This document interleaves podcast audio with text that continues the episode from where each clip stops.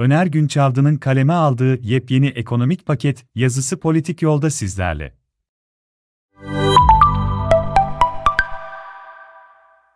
Ertelemek, sorunları geleceğe havale etmek bugünkü iktidarın sorunlarla baş etme yöntemi oldu. İtiraf etmeliyim bunu örtülemek için iktidarın geliştirdiği siyasi söylemler gerçekten takdire şayan. Önce dış güç söylemleri, sonra enflasyonla mücadele timleri ve en üst telden dile getirilen faiz neden enflasyon neticedir söylemleri. Doğrusunu isterseniz hepsinin kamuoyunda belli bir alıcısı oldu. Ama sorunlar baki kaldı. İktidar 2017 yılından itibaren görünür olmaya başlayan ekonomik sorunları hep pansuman yöntemleriyle ele almayı tercih etti, ötelemeye çalıştı. Siyasi sıkışmışlık mı dersiniz, yoksa liyakatsiz kadroların iş başında olması mı bilinmez, kalıcı çözümler getirmekte zorlanıldı. Covid-19 salgınının olmadığı, küresel enflasyonun daha kimsenin gündemine girmediği bir dönemde, her şeye rağmen Türkiye, sınırlı düzeylerde de olsa, dışarıdan borçlanabiliyordu. Ekonomi bir şekilde büyüyebilmekteydi. Fakat sonraları bir türlü büyümede istenilen performansa ulaşılamıyor, büyüme oranları %3'ler civarında kalıyordu. Bunun tek istisnası 2017 yılında elde edilen, %7'leri aşan büyüme oranıdır. Dünya mali kesimindeki değişen koşullar ve salgınla birlikte gündemimize giren küresel enflasyon, zaten kötü giden ekonomideki gelişmeleri daha da kötüleştirdi. Ama çok daha önemlisi, iktidarın bunlara karşı aldığı tedbirler bırakın sorunları çözmeyi, daha da kötü hale getirdi. Güncel makroekonomik göstergeler bunun en güzel delili. Geçtiğimiz hafta sonu 12 Şubat 2022 Sayın Cumhurbaşkanı ve Hazine ve Maliye Bakanımız Nureddin Nebati yeni bir ekonomi paketi açıkladı. Malum olduğu üzere Sayın Bakan daha önce de Türk tipi bir ekonomik modelin ana hatlarını kamuoyu ile paylaşmıştı. Yeni ekonomik paket kamuoyunun pek alışık olmadığı cinsten bir paket olsa da, içeri itibariyle yorumlamaya değer olduğunu düşünüyorum. Amacım sadece bu modeli değerlendirmek için kullanılacak kriterleri ortaya koymak, yoksa başka bir maksadım yok. Paket öncelikle gıda ürünlerinin tabi olduğu KDV'yi %8'den %1'e indiriyor. Aslında bu enflasyonla mücadele etmek için önerilen, sembolik anlamı olan bir tedbir.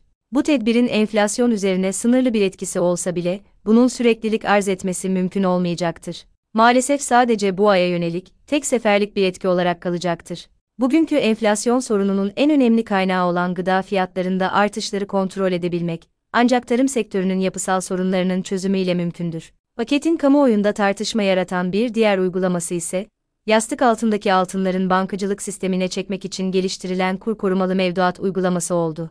Benzerlerini daha önceleri de gördüğümüz bu uygulamayla, altın fiyatlarındaki değişkenliğin oluşturacağı risk hazineye yüklenerek, tasarruf sahibinin korunması amaçlanıyor. Bu yönüyle, daha önce uygulanan kur korumalı mevduat uygulaması gibi, bu da ülkedeki gelir adaletsizliğini kötüleştirici bir etkiye sahip. Bunu tartışmaya bile gerek duymuyorum.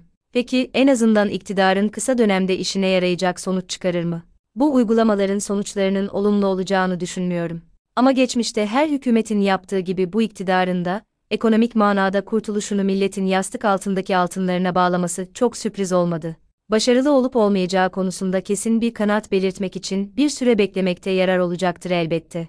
En azından iyi niyet bunu gerektirir. Neden böyle bir uygulamaya gerek olduğu ve bu uygulamaların, daha önce kamuoyuna açıklanan Türkiye ekonomik modeliyle ilişkisi ve bu modelin başarılı olabilmesinin koşulları üzerinde durmakta yarar var. Bugünlerde iktidarın Türkiye ekonomisiyle çözmesi gereken iki önemli sorunu var. Bunlardan biri yüksek enflasyon, diğer ise cari açık. Cari açık özellikle çok önemli. Zira iktidar 2022 yılında büyüme hedefinden taviz vermek istemiyor. O da cari açık ve kurlar üzerinde baskı yaratıyor. Enflasyon ise vatandaşın satın alma gücünde ciddi azalmalara neden olurken, var olan yoksulluk ve gelir eşitsizliği açısından siyasiler için önemli bir engel oluşturuyor. Siyasi desteklerinin azalmasına yol açıyor. Modelin varsayımları dikkatlice incelendiğinde, en azından iktidarın enflasyondaki kur geçişkenliğini kabul etmiş ve bu nedenle kur istikrarının önemini kavramış görülüyor. Bu yüzden kur istikrarını sağlayacak tedbirlere önem verdikleri anlaşılıyor. Ancak bu hususta iktidarın vermiş olduğu mücadelenin, Sayın Nebati'nin ifade ettiği gibi, son derecede heterodoks araçlarla yapıldığı da dikkatlerden kaçmıyor. Ekonomideki resmi kurumsal çerçeveyi, esnek kur rejimi oluştursa da, üstü kapalı bir kur hedefini kabul edilmiş gibi görünüyor. Bununla, sabit kur rejimlerinde olduğu gibi, döviz kurunu TCMB'nin alışılagelmiş doğrudan müdahaleler ile değil de, serbest piyasanın aktörleri olan kamu bankaları eliyle yapıp, sözüm ona resmi kurumsal yapının sınırları içinde kalınması amaçlanıyor. Sorsanız kur rejimi esnek ama kur istikrarı, ülke menfaatleri doğrultusunda piyasada işlem yapmayı kendilerine amaç edinmiş kamu bankaları ile sağlanmaktadır.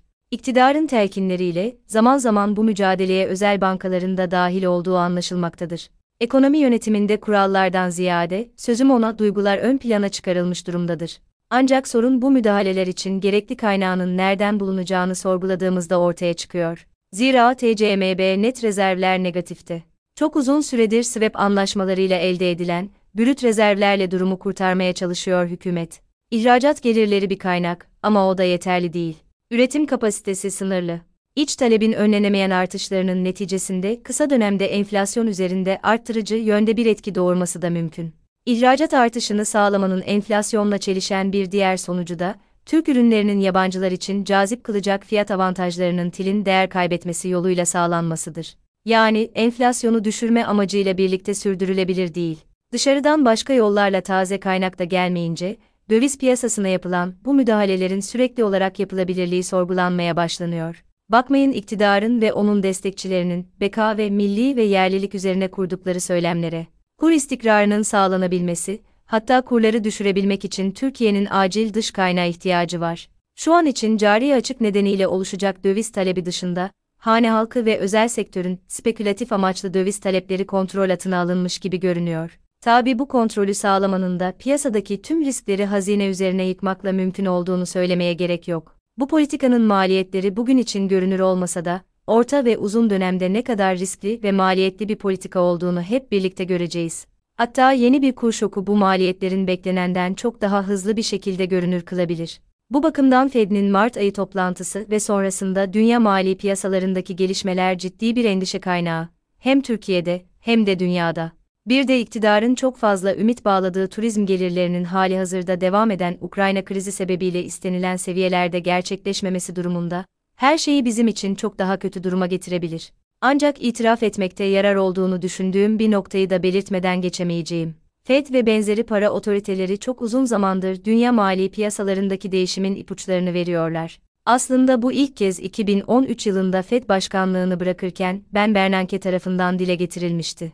Bazı merkez bankaları kendi parasal duruşlarını bu söylemler doğrultusunda değiştirdi, birçoğu da değiştiriyor, tedbir alıyorlar birbiri ardına. Eğer dünyadan bir istisna isterseniz, o da biziz. Peki, biz neye güveniyoruz? Onu gerçekten bilmiyorum. Belki de şansımıza.